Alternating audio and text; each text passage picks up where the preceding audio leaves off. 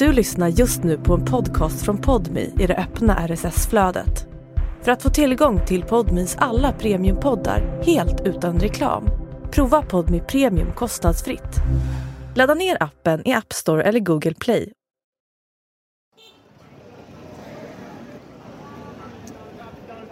Jag slogs ju väldigt snabbt av att de här männen var, av hur otroligt öppna de var. Det var liksom inga, man hymlade inte med vad man var där för att göra. Året är 2018. Det är en sen sommarkväll i Pattaya strax söder om Bangkok i Thailand på Walking Street. En gata som lyser upp den svarta natten i ett rött sken. Och det var packat med människor. Det var så mycket folk som, som gick fram på de här gatorna. Neonskyltarna hänger i ett tätt myller med namn på nattklubbar, barer, restauranger och bordeller. Joy, Bliss, Crazy House, Lucifer, Sweethearts, A Go-Go. 33-åriga Alex rör sig fram på gatan med ett gäng svenska män som är här för att köpa sex. Det handlade bara om att jag skulle hålla, hålla masken helt enkelt. Han som kallar sig Alex heter egentligen Joakim Medin. Och varken hår, skägg eller ögonfärg är hans egna. Hemma i Sverige är han en grävande journalist men på bordellen som han precis gått in på så är han bara en i gänget. Det var ju nakna kvinnor överallt så jag, jag, jag kastade ur mig kommentarer som liksom kolla, kolla pattarna på henne och helt otroligt. Och, ja, jag ska nog gå och, och blåsa av mig senare och sådana saker. Och de liksom, ja det har vi redan gjort och ja, jag håller med dig, hon var fantastisk men kolla på henne istället, oj oj oj. Runt honom rör sig prostituerade kvinnor och västerländska män med plånböckerna framme. Joakim kommer som karaktären Alex att tränga allt djupare in i den värld som är sexköparnas Thailand. Och han får anstränga sig mer och mer för att inte avslöja sina känslor inför vad han ser. Jag var Alex till skalet men med Joakims hjärna. Det räckte ju att jag liksom eh, gick in i badrummet när jag var ute på, ute på stan och liksom kände och tänkte som jag gjorde i mitt huvud och så kollade jag mig i spegeln och herregud, det är det där jag liksom. Så det var ju en otrolig dubbelhet såklart. Från Banda för Podmi, det här är Dubbelliv. Jag heter Hugo Lavett. Ulrika Svensson berättar Joakims historia om sin tid som torsken Alex. Vi vill varna för grafiska beskrivningar av sexuellt ofredande. Ja, hallå! Hej, jag såg just sms. Din granne öppnade dörren. Ja, men bra. Okej. Ja, välkommen. Killen som öppnar dörren till lägenheten jag precis knackat på ger ett välvårdat och ordnat intryck. Ja, vad är det? Jag sätter på kaffe. Ja, men perfekt. Vi krockar nästan i dörren men han samlar sig snabbt. Erbjuder kaffe och sittplats. Han har raka jeans, en slät skjorta, lätt vattenkammat ljust hår och ett renrakat ansikte. Kanske inte riktigt typen man förväntar sig att se på en bordell. Så, vem är han? Joakim Medin. ja, en tuff fråga. Eh, jag är nog en, en ganska vanlig kille egentligen, men med ett kanske ovanligt stort intresse för, för just knepiga, stora frågor och, eh, och med ett intresse för att, för att själv se dem och undersöka på plats. Det är den här vetgirigheten som kommer leda Joakim till Pattayas bordeller och klubbar. Våren 2018 har han jobbat som journalist i sex år och han har redan skrivit två reportageböcker. Om den kurdiska revolutionen och om Ungern efter kommunismens fall. Nu har han precis fått i uppdrag att skriva en rapport och en bok om sexköpsindustrin i Thailand. Och Joakim tvekar inte en sekund. I sig så intresserar extrema miljöer olika typer av mig. För att det, även ifall det är extrema miljöer så ingår det i samma samhälle och i samma värld eh, där alla andra lever också. ja, jag menar, de extrema miljöerna är ju, är ju, utgör inte majoritetssamhället. Men de ingår i hela samhället. Därför tycker jag det är intressant att berätta för majoritetssamhället, så här ser det ut i de här små enklaverna som också existerar. För att kunna berätta om den här miljön så kommer Joakim att behöva släppa allt. Hela sin personlighet och allt han står för. Han kommer behöva låtsas vilja köpa sex. Han kommer behöva vara någon annan. Jag eh, fick spela den här rollen av att jag var en person som, som gärna och med stor lätthet vistades i sådana här miljöer som bordeller och strippklubbar och eh, sådana lokaler. Vilket jag inte gör. Han gör research, läser på om sexköpsindustrin och tar kontakt med sexturister på nätet. Det var några enkla Google-sökningar bort. Thailand är ju så otroligt populärt eh, besöksmål för svenskar. Han frågar efter de bästa platserna, de galnaste barerna. Och han börjar planera. Det första som jag tänkte på var hur, hur ska jag konstruera en livshistoria som i den här miljön kan verka trovärdig. Joakim ska från och med nu heta Alex och han blir sakta honom genom att ändra sitt yttre. Han klipper sitt hår, han sparar ut getskägg och mustasch och han färgar allt mörkt. Vilket inte jag var helt bekväm med för att jag, jag, jag tycker inte att jag passar i det. Han köper kontaktlinser, snabba solbrillor, lösörhängen och nya kläder. Han bygger upp en helt ny identitet och den rabblar han för sig själv, om och om igen. Så pass alldaglig att, att, att folk skulle liksom bara jaha och sen inte vara intresserade av att ställa fler frågor. Alex är lika gammal som Joakim. Han har länge jobbat på lager i Göteborg. Han gillar rock och han ska snart börja plugga till lärare. Men han har också precis blivit dumpad av sin tjej och nu vill han ha semester.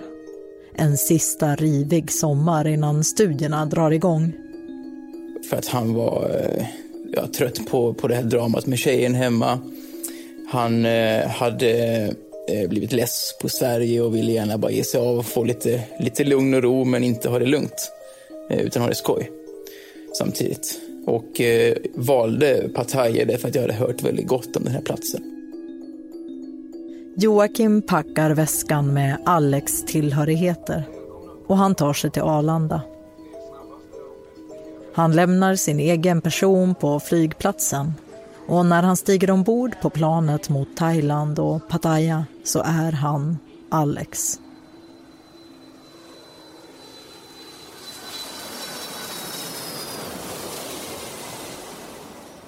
Så fort jag anlände till stan så att säga så gick jag ju liksom på något vis direkt in i rollen. Eh, för att ifall någon skulle se mig anlända så behövde det ju se ut som att jag var en helt vanlig turist där. Så jag eh, klädde mig på det sätt som jag sen gick ut som på stan. Han har en gul biker-t-shirt, blommiga hawaii-shorts och nitarmband. Aktar sig för att se ut som om han rekar eller fotar av området. Försöker röra sig fram genom neonskyltar och lättklädda inkastare, självsäkert och intresserat. En helt vanlig kille som är där i samma syfte som alla andra av den här typen av turister. Han tar sig till hotellet. Och eh, mannen som var i receptionen pekade på en laminerad plastskylt och sa att ifall du tar med dig en kvinna hem i natt så måste hon vara över 20. Exakt så stod det också på lappen. Joakim påminns direkt om varför han är här. Den laminerade lappen, receptionistens uppmaning och ljuden han vissa nätter kommer höra genom väggarna skvallrar om en aktiv och öppen sexköpsindustri. Trots att prostitution vid det här laget har varit olagligt i Thailand i över 60 år. Han checkar in som Alex, men väl uppe på rummet så kan han slappna av. När jag var i mitt hotellrum så var jag ju alltid Joakim igen. Eh, och var ju där i jobb och gick ur den här rollen fullständigt naturligtvis. Och när jag lämnade hotellrummet så gick jag ut på stan då var jag ju Alex. Han är på jakt efter tips och jämlikar.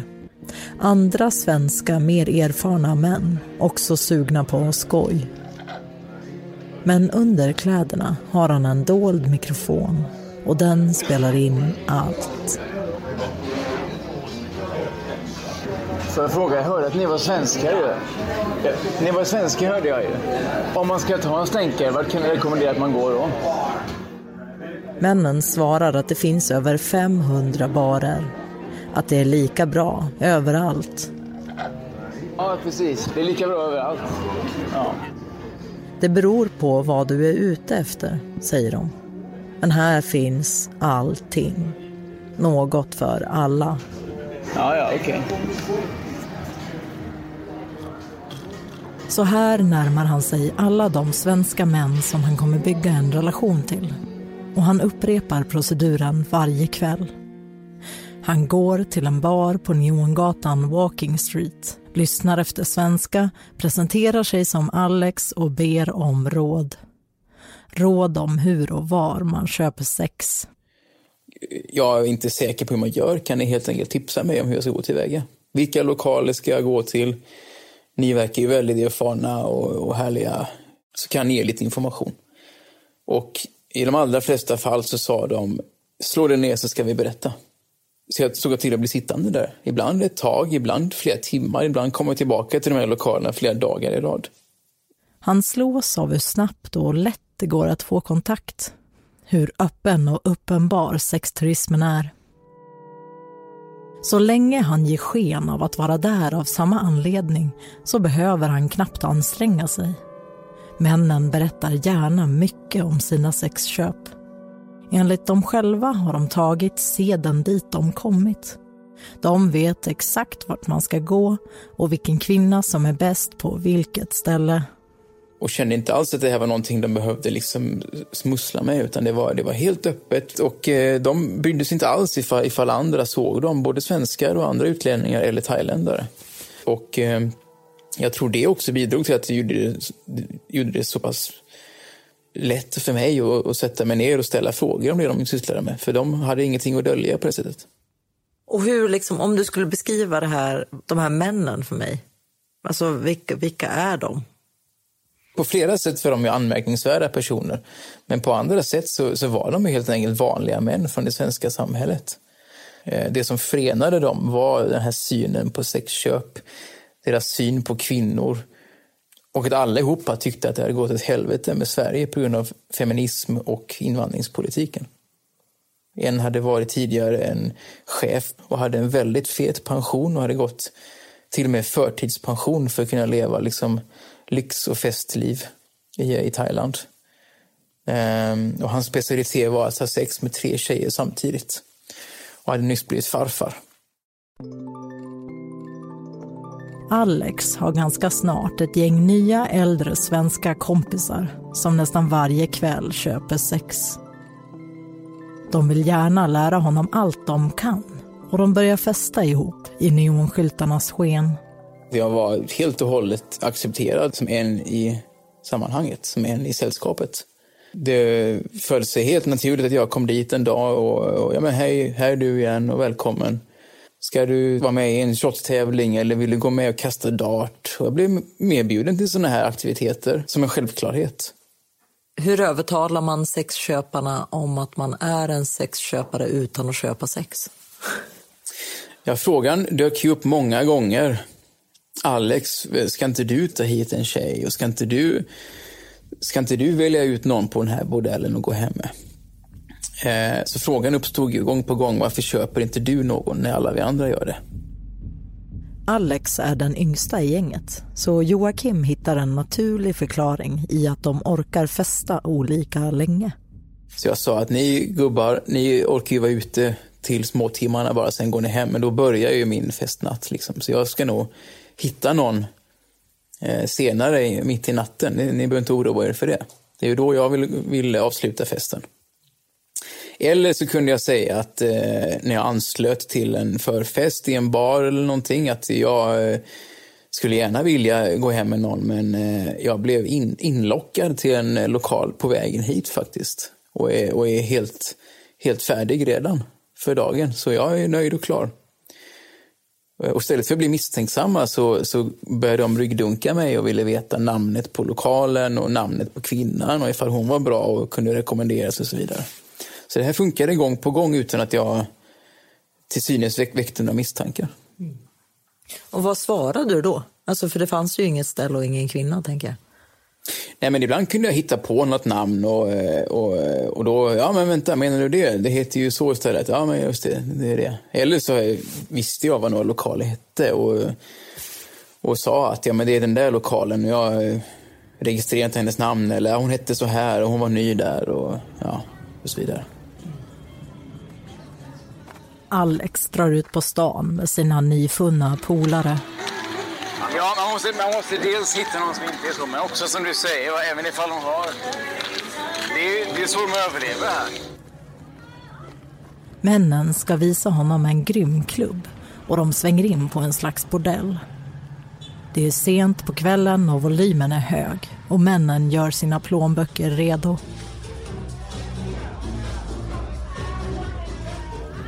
Det var ju nakna kvinnor överallt som hade helt känslolösa ansikten. För de, det var liksom bara som... Det här var bara... Det var som robotar som var där. Som, som gjorde det här på rutin. Kvinnorna står och dansar uttryckslöst på podier eller vid barstolar som män sitter på. Männen köper lady drinks. Det är en dyr drink som på köpet innehåller sällskapet av en kvinna. Joakim blir illa berörd av det han ser men han måste fortsätta hålla masken. Han måste fortsätta vara sexturisten Alex. Så jag, jag, jag kastade ur mig kommentarer som liksom kolla, kolla pattarna på henne och helt otroligt. Och, ja, jag ska nog gå och, och blåsa av mig senare och sådana saker. Och eh, jag var inte alls bekväm med att ta sådana ord i min mun för att jag säger inte sådana saker vanligtvis och jag vistas inte i sådana här miljöer. Så det var obehagligt på många sätt. Men det visade sig också omedelbart att det här, det här gick hem hos dem. De kände att ja, det här är en av oss. En prostituerad kvinna kommer fram till gänget och hon sätter sig i Alex knä. Och det var ännu svårare, därför att då hamnade jag i en situation och jag skulle förväntas visa att det här gillar jag. Han lägger händerna på hennes höfter, rör henne på ett sätt som en sexköpare skulle göra. Och det var otroligt jobbigt för att eh, för där, där var det ju extra viktigt att jag inte visade liksom någonting. Nej men vad gör du? Jag vill inte ha med det att göra framför de här andra männen. Ja, Nej, det var gräsligt på det sättet. Joakim försöker stänga av helt. Alla sina känslor och tankar om allt han ser och upplever. För inuti honom så pågår det just nu en kamp. Han känner obehag och frustration men han behöver se förtjust och glad ut.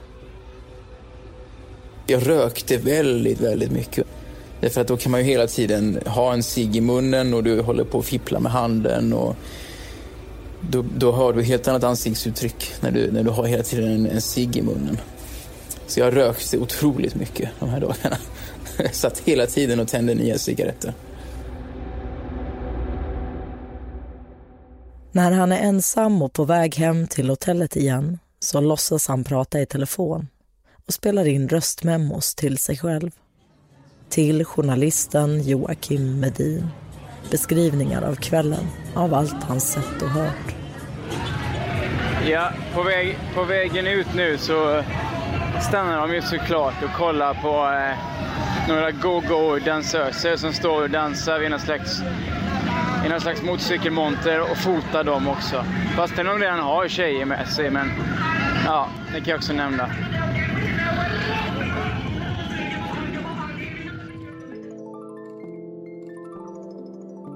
Hans dagar är nu uppdelade i två delar.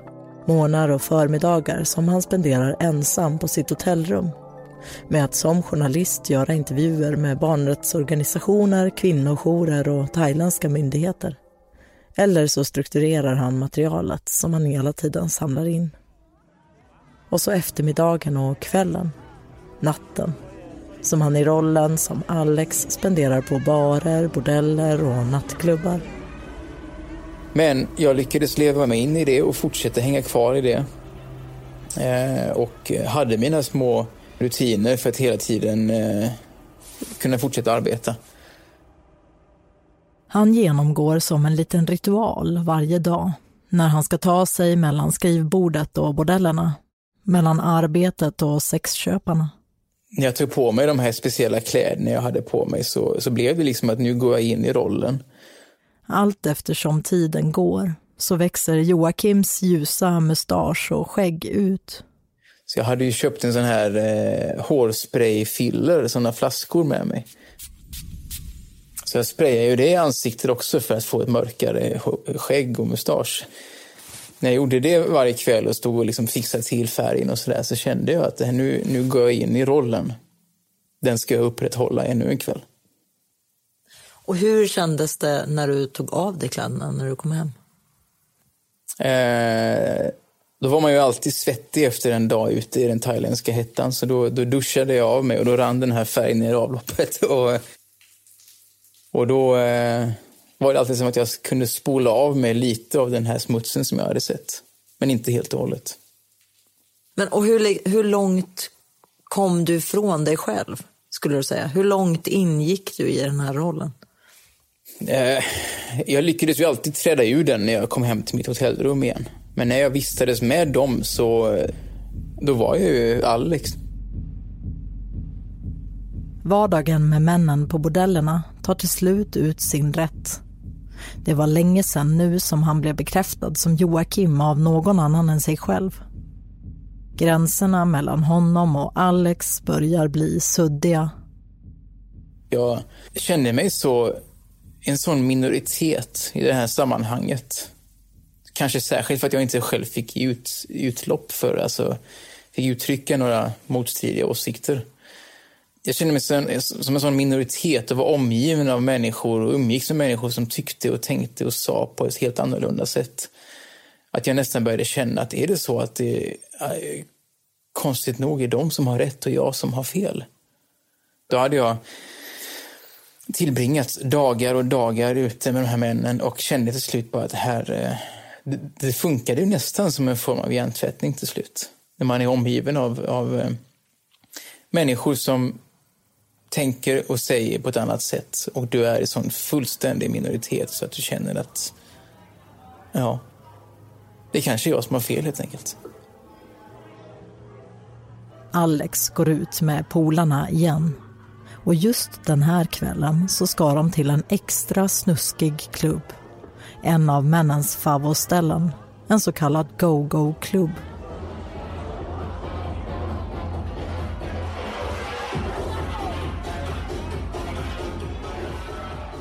Och eh, det var en lokal som hade två våningar och det var en, en, en scen i mitten av rummet som kunde höjas eh, med, med en hissanordning eh, upp och ner från första till andra våningen och tillbaka eh, genom ett hål i, i, taket.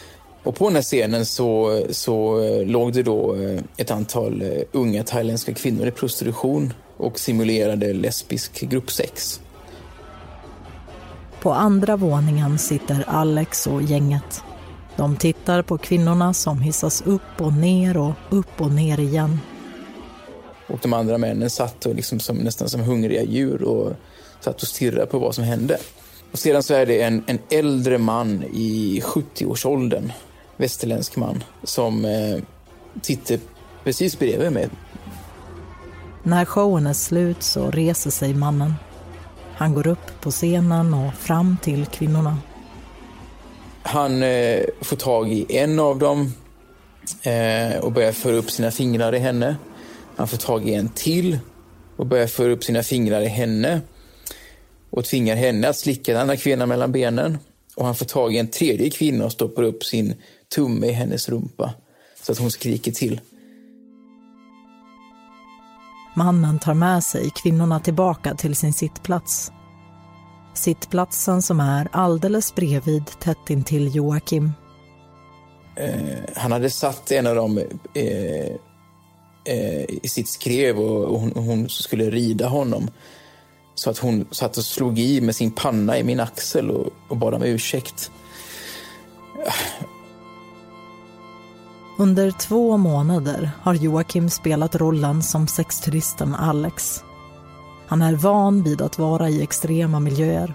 Tidigare har han stått mitt i brinnande krig och rapporterat live, varit fängslad i Syrien och rapporterat från flyktingläger.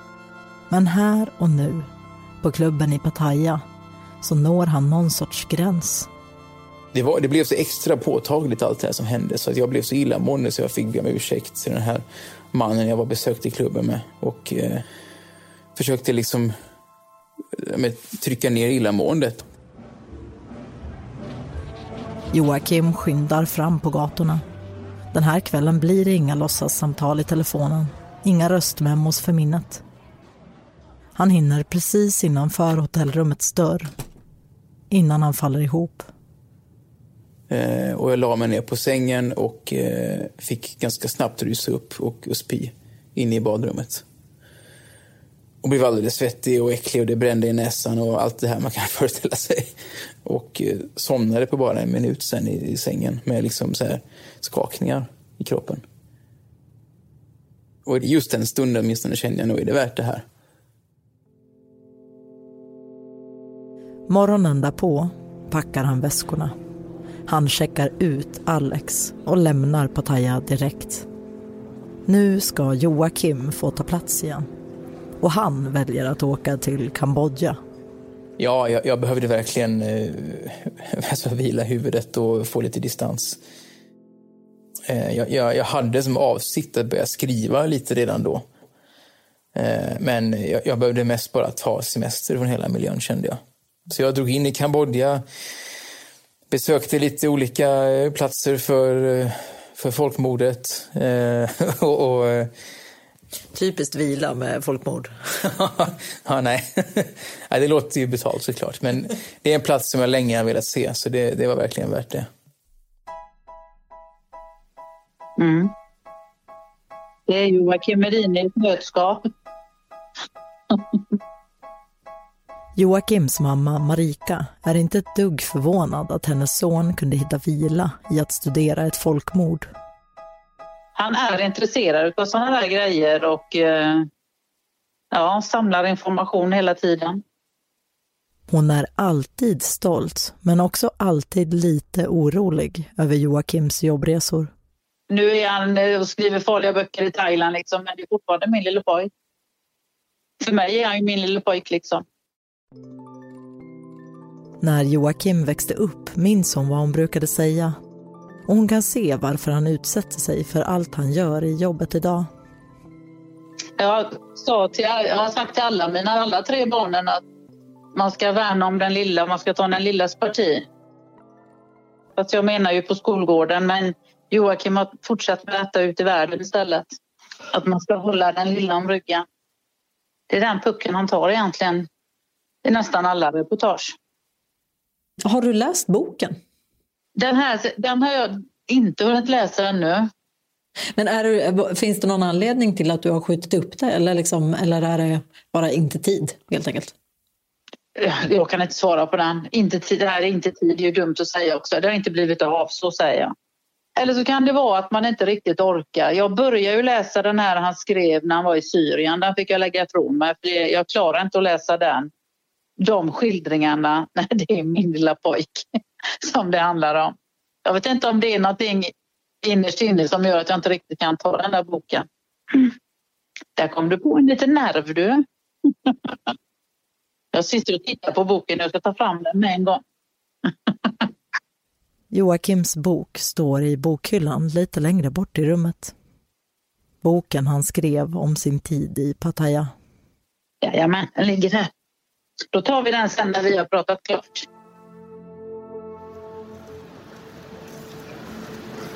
Längs med stora delar av gatan står det varje kväll från sen eftermiddag till småtimmarna står det kvinnor och säljer sig och alla vet varför de är där och det kommer män och köper dem. Eh, och det är fullständigt klart vad det är som händer. Och polisen gör ingenting.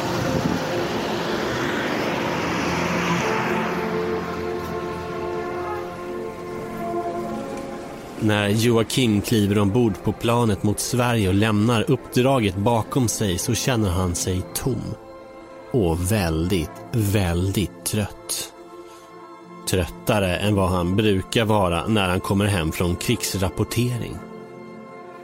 Döda människor är ju döda människor och krig eh, kan, fastän man befinner sig i det, te sig så otroligt märkligt och, och, och, och abstrakt. Och, men människor som lider, till exempel att se, att se flyktingar som lider eh, har varit mycket värre än att se döda människor i krig, tycker jag. Eh, att se tårar och inte bara en kropp på marken. Och det här att, att se en människa som, som blev så utnyttjad och exploaterad av en annan människa fick mig att eh, känna eh, alltså väldigt mörker vid tankarna på mänskligheten. Jag kände sån otrolig uppgivenhet och tomhet nästan när jag kom hem till Sverige. Han tar allt material han samlat på sig och börjar skriva ihop rapporten och boken. Från sitt vardagsrum hemma i en lugn del av Uppsala känns Thailand långt borta. När det hade då uppstått en distans till allting, både tidsmässigt och geografiskt, så var det ju rätt sjukt att föreställa sig att man hade varit där. Jag hade kunnat eh, passa in så pass, faktiskt, i det här sällskapen. Den här karaktären vill Joakim aldrig mer behöva vara och han begraver sitt alter ego djupt. Han låter sitt ljusa hår växa ut, gör sig av med kläderna som Alex bar och slänger kontaktlinserna. Samtidigt bär han med sig den här erfarenheten och tycker det är viktigt att komma ihåg det han såg i Pattaya. Alltså det, det är ett faktum att eh, det är olagligt att köpa sex i Sverige, men inte utomlands. Eh, så ser inte sexköpslagen ut. Så det här kommer fortsätta vara ett fenomen. Eh, medan Sverige tror sig bli ett samhälle där vi hela tiden blir mer och mer upplysta och mer och mer jämställda och tänker bättre och bättre om saker och ting så finns det uppenbarligen någonting som skaver. Du har lyssnat på Dubbelliv, en podmi-produktion av Banda. Reporter för det här avsnittet var Ulrika Svensson och mitt namn är Hugo Lavett. Producent var Lovisa Lam Nordenskjöld. Slutmix Axel Berkemar. Exekutiv producent hos Podmi var Sofia Neves.